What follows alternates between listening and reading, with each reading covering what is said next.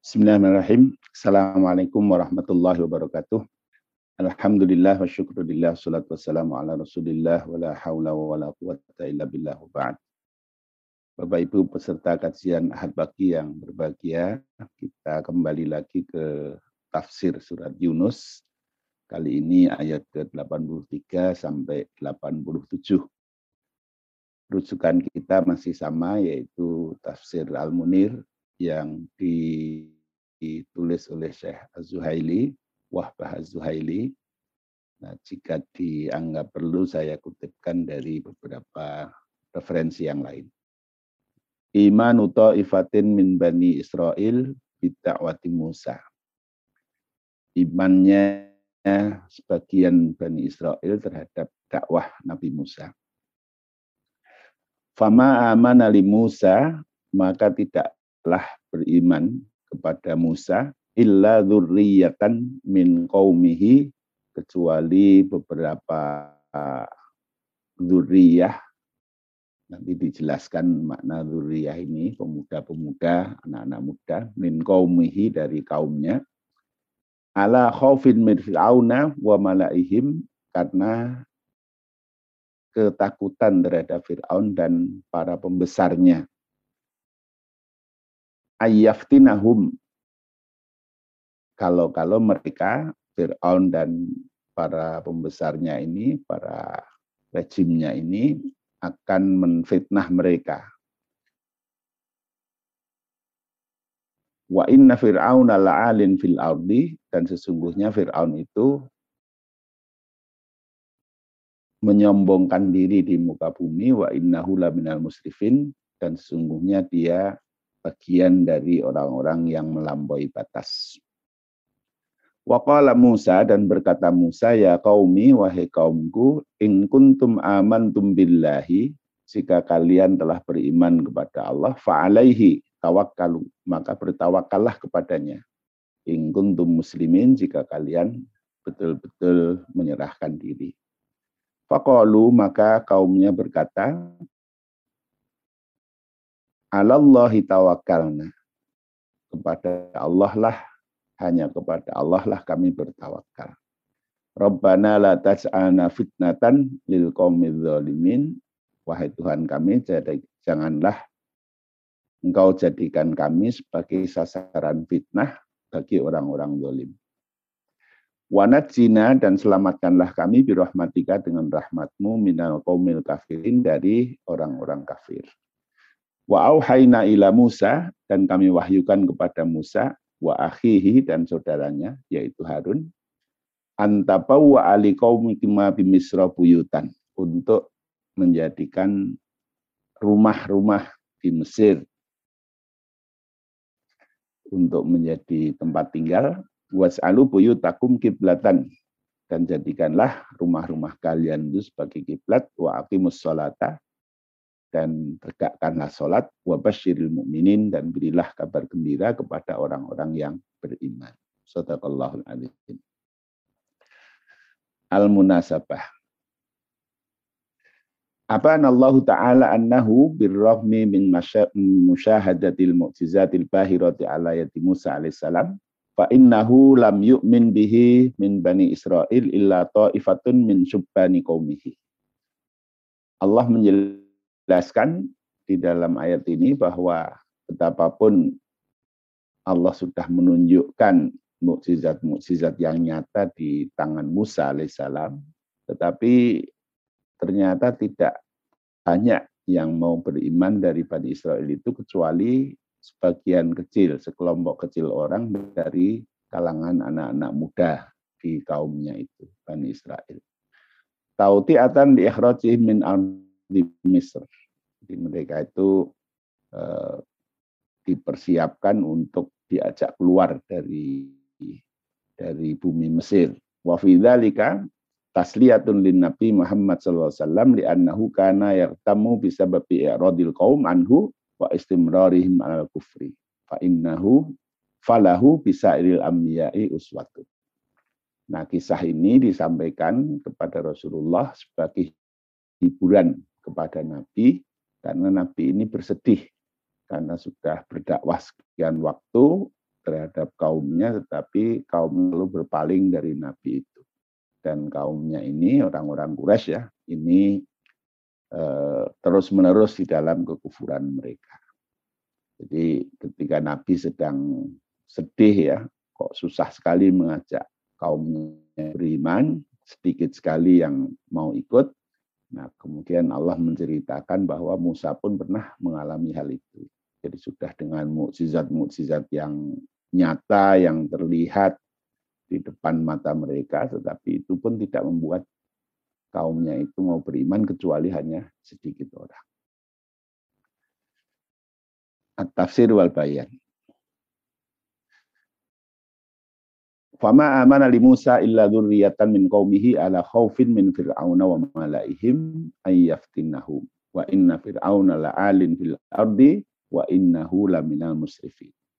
Hadza huwa al-fasl salis min qissati Musa alaihissalam. Ini adalah bagian ketiga dari kisah Musa alaihissalam yukhbirullahu ta'ala annahu lam yu'min bi Musa alaihissalam fi awwali amrihi ma'a ma ja'a bihi minal ayatil bayinat wal hujjatil qati'at illa qalilun min qaumihi Bani Israel. Allah memberitahukan kepada Rasulullah bahwa sungguhnya tidak beriman kepada Musa alaihissalam di dalam awal masa kenabiannya itu, walaupun Musa sudah membawa mukjizat-mukjizat yang nyata, hujah-hujah yang tegas, yang kuat. Nah, kecuali sedikit saja dari Bani Israel yang mau beriman itu. Wahum ta'ifatun minas syabab ala wajalin wa khawfin min fir'auna wa malaihi ayyarudduhum ila ma kanu alaihi minal kufri. Nah, mereka yang mau beriman itu hanya beberapa anak-anak muda. Nah, kenapa sebagian besarnya tidak mau beriman itu karena mereka dalam ketakutan terhadap Firaun dan para penguasa pembesar-pembesar Firaun itu ya. Oh, kalau-kalau nanti mereka akan dipaksa kembali untuk menjadi kafir. Lianna fir'auna kana jabbaran anidan musrifan fit tamarruti wal utuwi mutajawizan al hadda fi dzulmi wal fasadi syadidal batshi wal fatki hatta innahu itta'a rububiyyata wastaraqqa asbatul anbiya. Wa kanat lahu sutwatun wa mahabatun takhafu ra'iyatuhu minhu khaufan syadida karena Fir'aun ini adalah orang yang jabar ya yang penindas ya penindas yang melampaui batas di dalam penentangannya kepada Allah juga berlebih-lebihan di dalam kezalimannya, sangat keras. Nah, bahkan dia mengaku sebagai Tuhan serta memperbudak keturunan-keturunan Nabi. Bani Israel ini kan dulu keturunan-keturunan Nabi sebelumnya ya. Nah, dia punya kekuasaan dan kewibawaan yang ditakuti oleh rakyatnya. Nah, inilah Firaun ya, seperti itu. Nah, karena itu walaupun Nabi Musa datang dengan mukjizat-mukjizat yang sudah luar biasa, bahkan ahli sihir, ahli sihir Fir'aun pun sudah mau beriman, tetapi ternyata dari kaumnya Nabi Musa ini itu belum banyak yang berani untuk beriman. Jadi hanya sedikit saja. Kepada kaumnya yang mau beriman ini, waqala Musa ya qaumi in kuntum amantum billah fa alaihi tawakkalu in kuntum muslimin. Berkata Musa, wahai kaumku, in kuntum amantum jika kalian beriman. Ai wa Musa liman amana min qaumihi wa qatra'a khaufahum minal ittihadi wa ta'dzib. Jadi Nabi Musa berkata kepada kaumnya yang mau beriman itu, sementara beliau Nabi Musa melihat adanya rasa ketakutan di muka orang-orang yang beriman ini terhadap penyiksaan yang kemungkinan akan dilakukan oleh Fir'aun. In kuntum amantum ay billahi wa bi ayati haqqal iman fa alaihi tawakkalu. Jika kalian memang betul beriman kepada Allah, maka sudah bertawakallah kepada Allah. Wa itu wa bihi siku wa ma'annu liwaktihi. Percayalah kepada Allah dan jadilah tenang dengan janji Allah. In kuntum muslimin, jika kalian betul-betul orang yang menyerahkan diri. In kuntum mustaslimina liqadaillah. Jika kalian betul-betul menyerahkan diri terhadap kodok Allah, terhadap ketetapan Allah SWT. Mud'inina muhlisina lahu idla yakunul imanu kamilan illa idha sattaqahu al-amal. Berserah diri kepada Allah.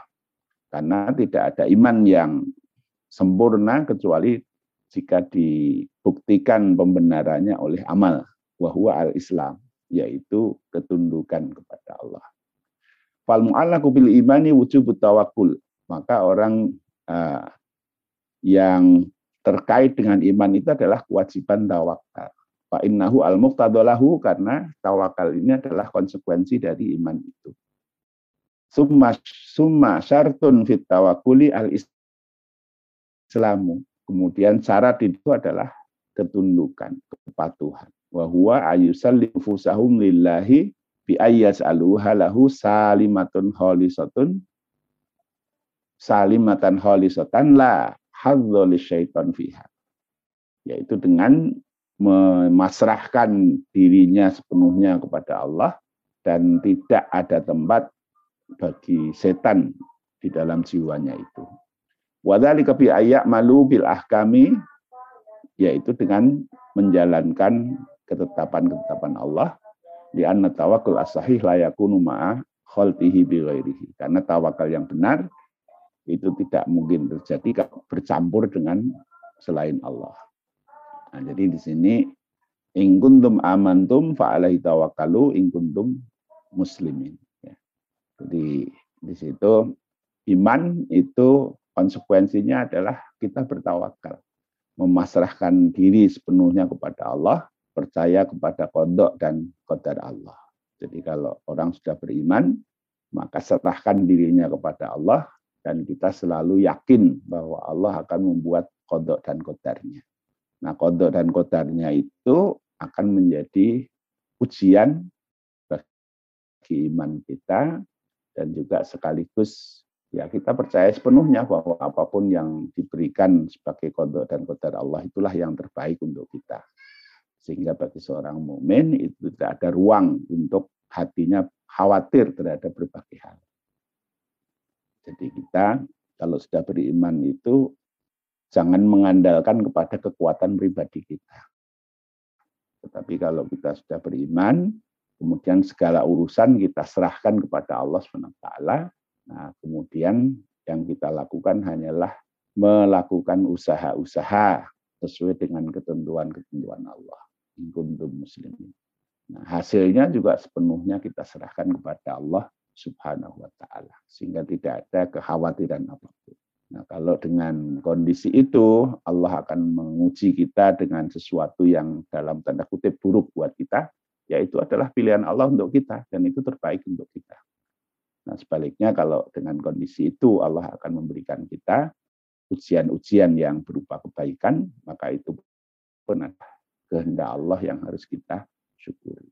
Nah, itulah karakter jiwa seorang mukmin. Ya. Jadi orang sudah beriman sepenuhnya urusan diserahkan kepada Allah. Nah, sehingga akan hilang segala rasa kekhawatiran, kesedihan, Allah tahzan. Tidak ada rasa sedih ya. Allah takhofu wa tahzanu, tidak tidak khawatir, tidak sedih terhadap segala hal yang akan dihadapi. Nah, itu stik orang beriman yang kemudian bertawakul kepada Allah Subhanahu wa taala. Wal khulasah anal iman ibaratun an sayruratil qalbi arifan bi anna wajibal wujud dzatihi wahidun wa anna ma siwahu muh tasun makhlukun tahta tadbirihi wa qahrihi wa tasarrufi. Jadi orang yang beriman itu adalah orang yang di dalam jiwanya itu memiliki keyakinan penuh bahwa ya Allah itu hanya satu, selain Allah itu adalah ciptaannya yang seluruhnya berada dalam pengendalian Allah Subhanahu wa taala. Jadi kalau kita sudah yakin bahwa segala sesuatu di sekitar kita itu dikendalikan oleh Allah dan kita berhusnudzon kepada Allah SWT, maka ya apa yang kita khawatiri lagi? Gitu.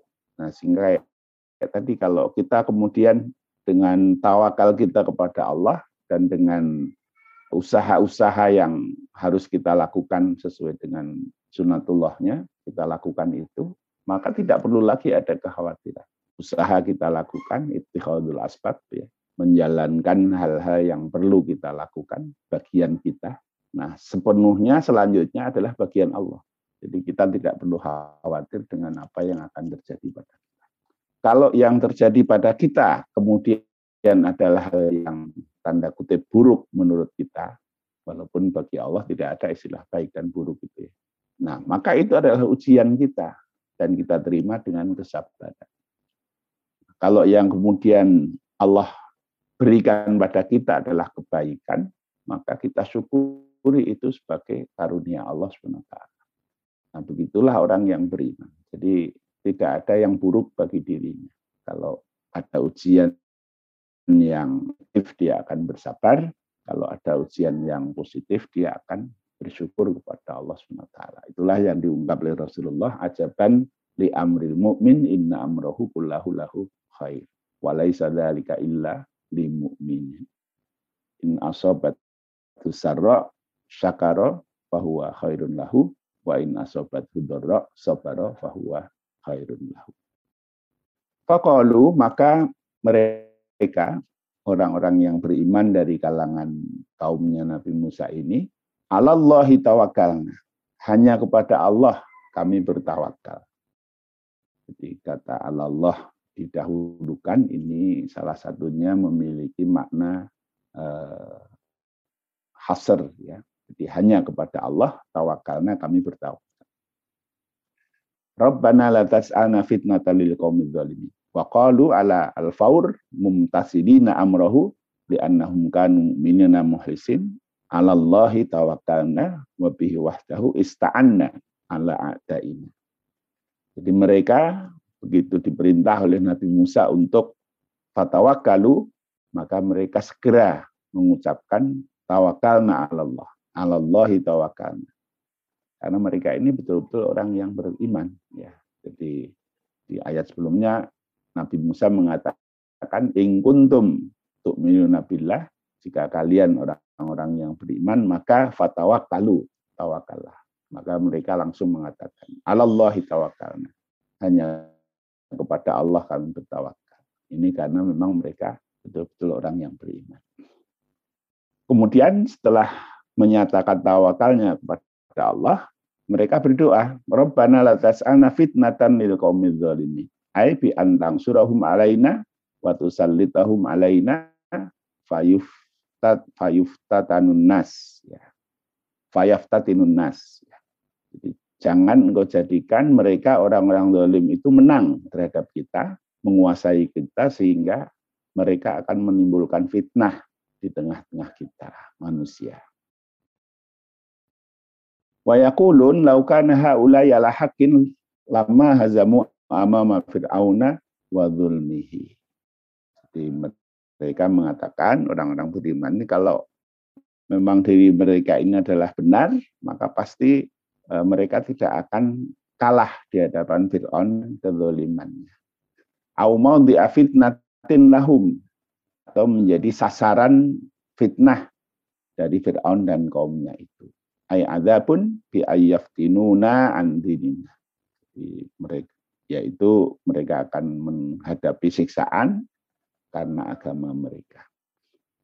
Jadi ini eh, Rabbana la tas'ana fitnatan lil qaumil zalimin ini doa supaya orang-orang zalim itu tidak menguasai mereka sehingga akan menekan, mengintimidasi, menyiksa orang-orang yang beriman. Wa najina bi rahmatika minal qaumil kafirin dan selamatkanlah kami dengan rahmatmu dari kaum yang kafir itu. Ay, halasna bi rahmatika wa ihsanika wa afika min tasallutil kafiri nabika. Selamatkanlah kami dengan rahmatmu, kebaikanmu dari penguasaan oleh orang-orang kafir. Alladzina kafaru al-haqqa wa sataruhu wa nahnu qad wa ta'ala.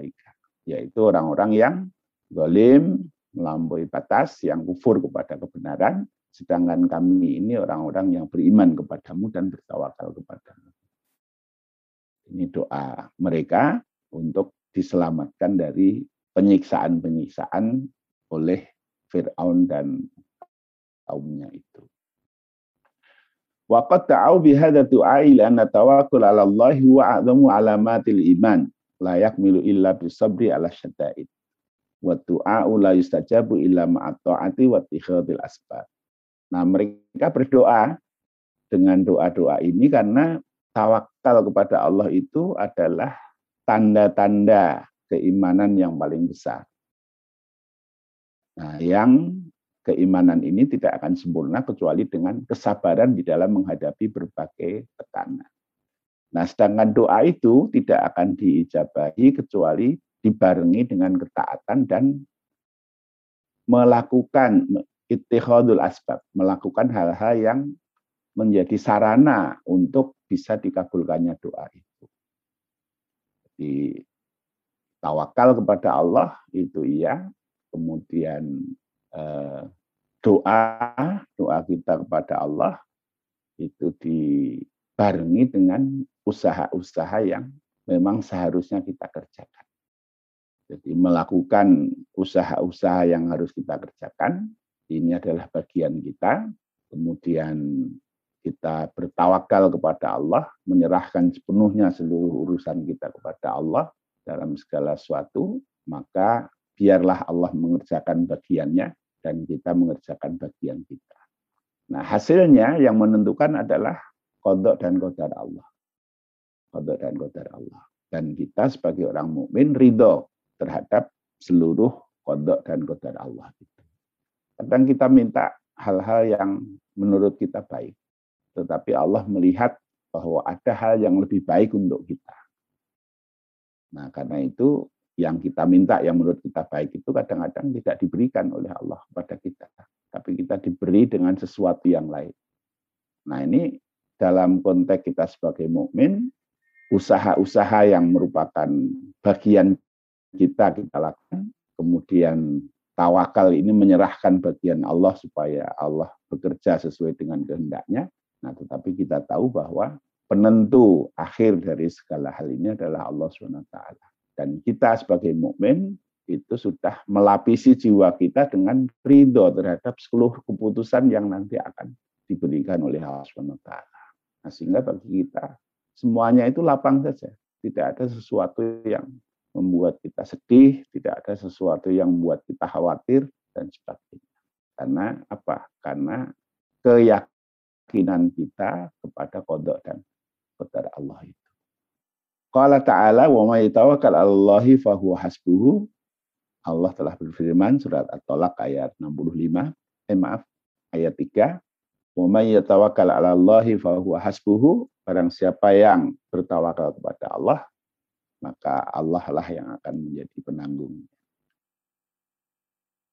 Nah, ini sudah jadi bagian kita apa? Lakukanlah bagian kita, usaha kita. Ya, jadi misalnya nanti dijelaskan di dalam ayat ini bagaimana mereka menghindarkan diri dari tekanan-tekanan dan penyiksaan oleh Firaun, maka misalnya nanti mereka di dalam melakukan ketaatannya kepada Allah itu bersembunyi dulu, tidak terang-terangan. Walaupun mereka adalah orang beriman sepenuhnya kepada Allah, mengakui kebenaran itu, tetapi di dalam mereka menjalankan kebenarannya, ketaatannya kepada Allah itu, mereka sembunyi dulu pada saat itu. Ya. Nah, ini bagian mereka. Inilah ittihadul asbab. Ya. Jadi menjalankan satu usaha supaya tidak disiksa, tidak ditekan, tidak di, jadi fitnah ya oleh kekuasaan Fir'aun. Nah ini menunjukkan bahwa mereka itu bertawakal kepada Allah. Nah, kemudian berdoa kepada Allah supaya latas ana fitnatan lil qaumil zalimin. Kemudian wanat sinabi rahmati kami qaumil kafirin, selamatkan kami dari tekanan orang-orang kafir. Tetapi ini doa kepada Allah SWT, minta seperti itu.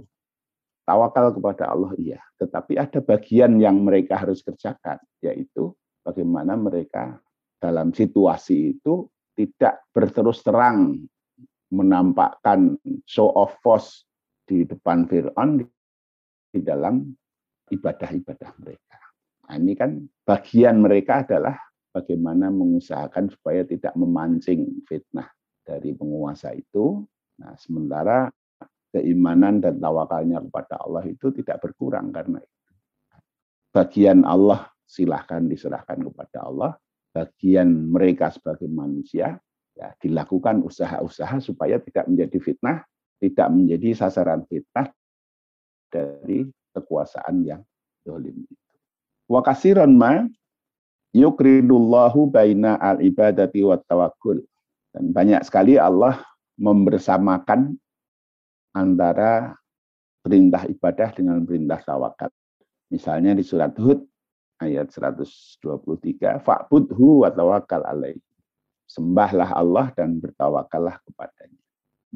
Dan surat Al-Mulk ayat 29, Kul huwar rahmanu aman nabihi wa alaihi tawakkalna. Katakanlah, dialah Allah yang maha rahman, aman nabihi kami beriman kepadanya, wa alaihi tawakkalna, dan kepadanya lah kami bertawakal.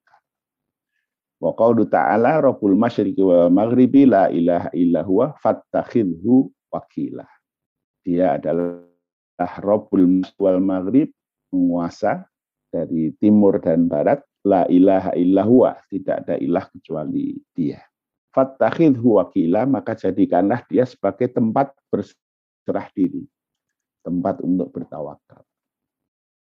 Wa amarallahu ta'ala al-mu'minin ayyukarriru fi sholatihim iyyaka na'budu wa iyyaka nasta'in. Dan Allah memerintahkan orang-orang mukmin mengulang-ulang di dalam sholatnya kalimat iyyaka na'budu wa iyyaka nasta'in. Jadi hanya kepadamu kami menyembah dan hanya kepadamu kami memohon pertolongan. Surat Al-Fatihah ayat 5. Wa auhayna ila Musa wa akhihi dan kami wahyukan kepada Musa dan saudaranya Harun ya. Antabawa ali qaumihim misra buyutan was'alu buyutakum kiblatan wa aqimus shalah wa basyiril mu'minin. kalau ta'ala sababa inja'ihi bani Israel min fir'auna wa qaumihi wa kafiyati khalasihim minhum. Allah kemudian menyebutkan cara Allah menyelamatkan Bani Israel itu dari Fir'aun ya. Wa auhayna ila Musa wa akhihi dan kami wahyukan kepada Musa dan saudaranya Harun. Ay amarna Musa wa akhahu Harun alaihi mastam ayyatabawa'a ayyattakhidha liqaumihima fi Misra buyutan takunu masakina lil fiha. Jadi supaya mereka berdua itu menyiapkan rumah untuk tempat tinggal bagi teman-temannya yang sudah beriman itu. Wal asah antaku nama sajida walaisat manazila maskunatan fi ra'i aksarin mufasirin.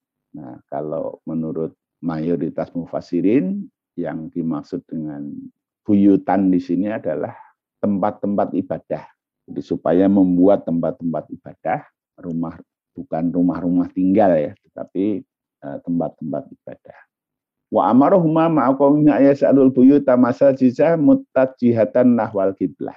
Dan menjadikan rumah-rumah itu sebagai tempat untuk sujud yang menghadap kepada kiblat tertentu.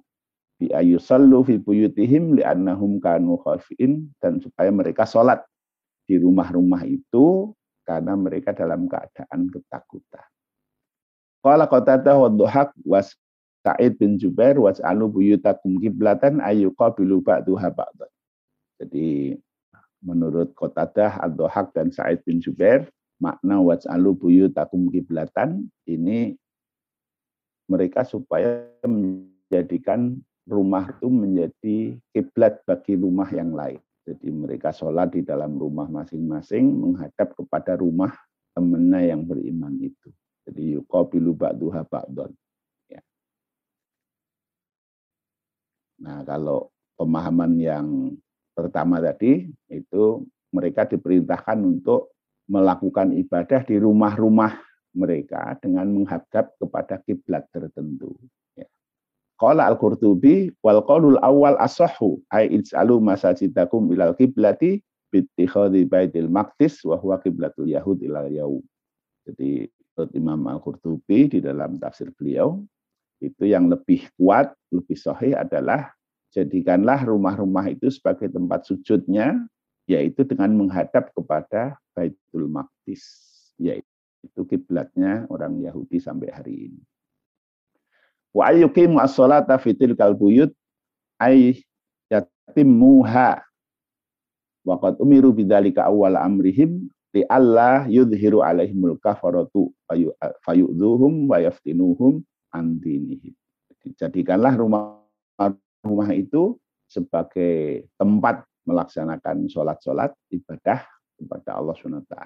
Nah, mereka diperintahkan untuk sholat di rumah-rumah itu dengan menghadap kepada Baitul Maqdis ya.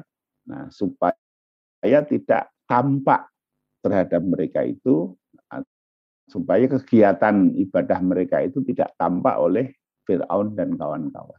Karena kalau sampai mereka diketahui oleh Fir'aun dan kawan-kawan ini, mereka melakukan ibadah sesuai dengan ajaran Nabi Musa, maka mereka akan menyiksa orang-orang mukmin yang masih sedikit ini dan menjadikan mereka sasaran fitnah ya, dan memaksa mereka keluar lagi dari agama. Wabashiril mu'minin, wabashir ya Musa al-mu'minin bil hifdhi wan nasri ala atuwih dunya. Berilah kabar gembira wahai Musa kepada orang-orang yang beriman ini bahwa mereka akan dilindungi, dimenangkan oleh Allah menghadapi musuh mereka di dunia ini wal jannatu fil dan nanti beritahu beri kabar gembira mereka tentang akan adanya surga di akhirat nanti. Nah demikianlah Bapak Ibu kisah bagian ketiga ini. Jadi ada bagian kecil dari Bani Israel yang mau beriman kepada Musa, tetapi mereka pun tidak bisa berterus terang di dalam keimanannya, harus menyembunyikannya. Nah, karena itu mereka diperintahkan oleh Allah, Nabi Musa dan Harun diperintahkan oleh Allah untuk orang-orang yang sudah beriman ini diminta untuk beribadah kepada Allah, ya, sholat kepada Allah dengan syariahnya Nabi Musa waktu itu ya, walaupun Eh, dengan bersembunyi di rumah-rumah mereka. Jadi tidak membuat uh, acara ibadah di Baitul Maqdis misalnya ya, Masjidil Aqsa misalnya, tidak. Tapi di rumah-rumah mereka dengan menghadap kepada uh, kiblat yaitu Baitul Maqdis itu. Fikul hayati wal ahkam. Tallatil ayat alama ya'ti. Birrahmi minal mu'jizatil azimah li Musa alaihissalam wa intisarihi ala saharati bital qafil asa likulli ma ahdoru minal ayat min min alahir fa innahu lam yu'min bih min qaumihi ila ta'ifatun qalilatun min auladi bani Israil fa innahu litu li zaman halakal apa wa bakil abna fa amanu jadi walaupun Nabi Musa sudah menunjukkan mukjizat yang luar biasa dengan mengalahkan para tukang sihir itu tetapi ternyata yang berani beriman dari kaumnya ini tidaklah sedikit, ya, tidaklah banyak. Jadi hanya sedikit saja dari keturunan Bani Israel. Wakilah karena ta'ifatun min qaumi fir'aun minhum mu'minu alu fir'aun wa khazinu fir'aun wa mra'atahu wa ma syitah ibnatahu wa ma syitatu ibnatahu wa mra'atu khazi wa mra'atu khazinihi. Jadi ada yang menafsirkan bahwa yang mau beriman sedikit, yang mau beriman itu bukan hanya sedikit dari Bani Israel, tetapi juga sedikit dari kaumnya Fir'aun sendiri, yaitu dari keluarga Fir'aun, kemudian pengawal Fir'aun, kemudian istri Fir'aun, ya, kemudian Masyitoh, Masyitoh ibnatihi, anak perempuannya Fir'aun, Masyitah ya. Wa mra'atu khazinihi dan juga istri dari pengawal Fir'aun. Jadi di keluarga Fir'aun sendiri itu ternyata dengan melihat mukjizatan yang ditunjukkan oleh Allah melalui Nabi Musa, namun pun akhirnya beriman sebagaimana berimannya para tukang sihir dari Fir'aun. Nah, tetapi tentu yang ada di keluarga Fir'aun ini, mereka ini orang-orang yang tidak berani secara berterus terang menunjukkan keimanan mereka. Wa kana imanuhum ala khaufin min fir'auna li'annahu kana musallitan alaihim. Atian mutakabbiran mujawizan al-hatta fil kufri li'annahu kana abdan fatta'a ar-rububiyah. Nah, iman mereka ini entah itu dari kalangan Bani Israel maupun dari keluarga Fir'aun itu nah, dipenuhi dengan ketakutan terhadap Fir'aun. Karena Fir'aun itu menguasai mereka dan Fir'aun ini orang yang sangat menyombongkan diri, melampaui batas di dalam kekufurannya. Bahkan dia seorang hamba yang mengaku sebagai Tuhan. Yang kedua, Arad Abu salam al istisraku min imanitil kataifah. Faqala lahum in kuntum amantum ay sattaqtum billahi wa birisalati fatawakkalu 'ala Allahi wahdahu. I'tamatu alaihi in kuntum muslimin. Karena syarta ta'kitan au anna islam huwa alam mal wa bayyana Musa anna kamal iman bitafidil amri Allah. Nah, kemudian Musa berusaha untuk memastikan keimanan dari sedikit orang itu. Maka dia mengatakan, jika kalian beriman kepada Allah, maka bertawakallah hanya kepada Allah itu. Dan tunduk patuhlah kalian hanya kepada Allah itu. Jadi orang sudah menyatakan iman, maka segera ditindaklanjuti oleh Nabi Musa itu. Kalau kamu betul beriman, begini. Gitu. Jadi kamu tawakal, pasrah semua urusan kepada Allah, kemudian kamu uh, tunduk atau taat kepada Allah. Ya. Maka kemudian mereka, orang-orang sedikit yang beriman itu menjawab, bi anna tawakalna 'ala Allah ay aslamna umurana ilaihi wa radina bi qada'ihi wa qadrihi wa ila amrihi. Jadi kami mereka segera menjawab, kami tawakal hanya kepada Allah. Dan kami serahkan urusan kami sepenuhnya kepada Allah. Warodina bi qadaihi wa qadrihi. Dengan kodok dan qadar Allah SWT. Dan kami serahkan semua urusan kepada Allah SWT. Wa ta'allah bil bi Allah yang surat zalimina alaihim fayakna dzalika fintat lahum fitti. Dan mereka berdoa kepada Allah supaya orang-orang zalim tidak mengalahkan mereka Nah, sehingga itu akan menjadi fitnah bagi mereka di dalam agamanya. Ini iman itu segera harus diikuti dengan kepasrahan kepada Allah sepenuhnya, ya, tawakal kepada Allah, nah, kemudian eh, mengikuti ketentuan-ketentuan Allah dengan apa yang seharusnya dia kerjakan. Kemudian yang ketiga, ittihadul buyut fi fatratin ma masajidah hatta la yu'dha fir'aun la yu'dhi fir'aunu al, al musallina li anna bani Israil kanu la yusalluna illa fi masajidi ma kana isihim fa kharrabaha fir'aunu wa mana'ahum minas shalah kemudian mereka menjadikan um, sementara waktu ya pada waktu itu untuk mereka beribadah di rumah-rumah mereka. Pada asalnya dulu Bani Israel itu tidak melakukan ibadah kecuali di masjid-masjid dan di sinagog mereka, ya, sinagog-sinagog mereka. Tetapi zaman Fir'aun, masjid-masjid dan sinagog itu itu dirusak, dihancurkan oleh Fir'aun dan Fir'aun melarang mereka untuk ya. Fa'ahallahu ila Musa wa Harun an tahida wa takhayyara li bani Israel buyutan bi Misra ay masajida muntajihatan nahwal qiblah wa lam yarud fi ra'i aksal mufassirin al manazil al maskunah wa inna ma'arada litijah ila baitul maqdis. Maka kemudian Musa dan Bin Harun diberi perintah oleh Allah untuk memilih rumah ibadah, rumah sebagai tempat ibadah bagi mereka, yaitu dengan menghadap ke arah kiblat Baitul Maqdis. Ya. Wahada yatullu ala an al-kiblah fi sholati kanat syar'an Nah, ini ayat ini menunjukkan bahwa beribadah dengan menghadap satu kiblat tertentu itu adalah merupakan syariat yang dibawa oleh Nabi Musa alaihissalam. Jadi ini kiblatnya, jadi Nabi Musa itu membawa perintah untuk mereka beribadah secara ritual Bani Israel itu dan menghadap kepada kiblat tertentu, yaitu Baitul Maqdis. Nah, itulah kiblatnya orang Yahudi sampai hari ini, ya Baitul Maqdis, Masjidil Aqsa ya. Nah, karena itu dulu waktu awal-awal perintah sholat, ya sejak kumilaila illa qalila, ketika Nabi masih di Mekah, dan bahkan ketika sudah hijrah ke Madinah, itu perintah sholat itu menghadap kepada kiblat yang sama dengan kiblatnya Bani Israel ini, yaitu ke Baitul Maqdis. Nabi ketika belum hijrah, ketika beliau masih di Mekah, beliau kalau sholat itu biasanya di selatan Ka'bah, sehingga ke, menghadap ke utara dengan menghadap Ka'bah sekaligus menghadap ke Baitul Maqdis.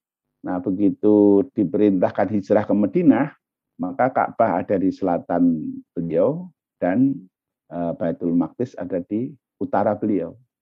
Nah, sehingga Nabi kadang tahu ya kalau ini tidak belakangi Ka'bah menghadap ke Baitul Maqdis.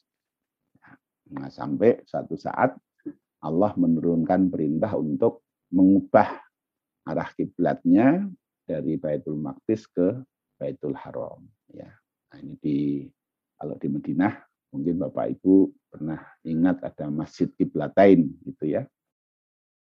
Jadi pada satu saat di tempat itu Nabi sedang mengimami sholat subuh, kemudian ada perintah untuk menghadap ke Baitul Haram, nah sehingga jamaah pada saat itu balik kanan ya, jadi mengubah arah kiblat dari semula menghadap ke utara, kemudian berbalik menghadap ke selatan yang masjidnya kemudian dikenal sebagai Masjid Kiblatain. Nah dulu awal-awal di sebelum di kiblat itu eh, masih ditunjukkan ada dua mihrabnya, mihrab utara dan mihrab selatan. Nah, tapi sekarang sudah dibugar, jadi mihrab yang utara itu sudah jadi pintu masuk sekarang sudah tidak kelihatan lagi dua kiblatnya. Begitulah, jadi Masjidil Aqsa ini adalah kiblat yang ditentukan untuk Nabi Musa dan para pengikutnya. Nah, sedangkan Rasulullah sendiri pada awal diperintahkan untuk Qiyamulail sejak di Mekah, kemudian perintah sholat lima waktu ketika Isra Mi'raj, ya, itu pun menghadapnya masih menghadap ke Baitul Maqdis, kiblat yang sama dengan kiblatnya orang Yahudi. Nah, baru kemudian ketika hijrah di Madinah, tahun ke berapa itu ya sekitar tahun kedua mungkin ya baru ada perintah untuk mengubah arah kiblat menuju ke Mekah. Nah, ketika diubah arah kiblat ke Mekah ini orang Yahudi yang di Madinah itu kecewa ya. Dulu mereka merasa senior ya. Oh, ternyata Muhammad walaupun ngaku nabi dengan pengikut-pengikutnya kiblatnya ngikut kiblat kita juga gitu. Nah, tapi begitu kiblatnya diubah ke arah Masjidil Haram, maka mereka kecewa ya. Kenapa sih kok orang kok ibadah kok bolak-balik bolak-balik. Nah, sehingga Allah menurunkan di awal surat awal juz 2 saya qulu sufaha umma wallahum an kanu 'alaiha qul lillahul masyriq wal fa aina ma tuwallu fatammu terusnya itu. Ini asbabun nuzul. Baik, jadi ini poin ketiga. Jadi dalam rangka menghindari fitnah dari kekuasaan Fir'aun saat itu, maka para mukmin awal di kalangan Bani Israel itu dan juga sebagian dari keluarga Fir'aun yang sudah beriman itu mereka diperintahkan untuk beribadah tidak lagi di masjid-masjid ya tidak lagi di masjid-masjid, eh, tidak di tempat terbuka tentang mereka, nah supaya tidak menjadi sasaran fitnah dari para penguasa yang zalim itu. Ya. Walaupun di dalam ibadahnya itu dengan menghadap ke kiblat tertentu yaitu Masjidil Aqsa. Baik, ini tiga poin dari ayat-ayat tadi. Kemudian di sini ada Syekh Az-Zuhaili menambahkan catatan eh, terkait dengan poin ketiga ini. Wastam batal ulama min jawazi atai sholah fil buyut annal ma'dur bil khawf wa ghairihi yatuzu lahu tarkul jamaah wal jum'ah wal udru alladhi yubihu lau dalika kal marad al mani minal tanakul au khawfin au khawfi ziyadatihi au khawfi juri sultan fi malin au badanin tuna qada alaihi bihaqqin. Jadi sebagian ulama kemudian mengambil istihad bahwa orang boleh sholat di dalam rumah masing-masing karena ada udur. Udurnya bisa berupa rasa takut dan lain-lain. Nah, yang asalnya jamaah itu ya di masjid. Tetapi karena ada halangan-halangan orang boleh sholat di masjid dan tanpa harus mengkodok. Tidak usah berjamaah, tidak sholat jemaah.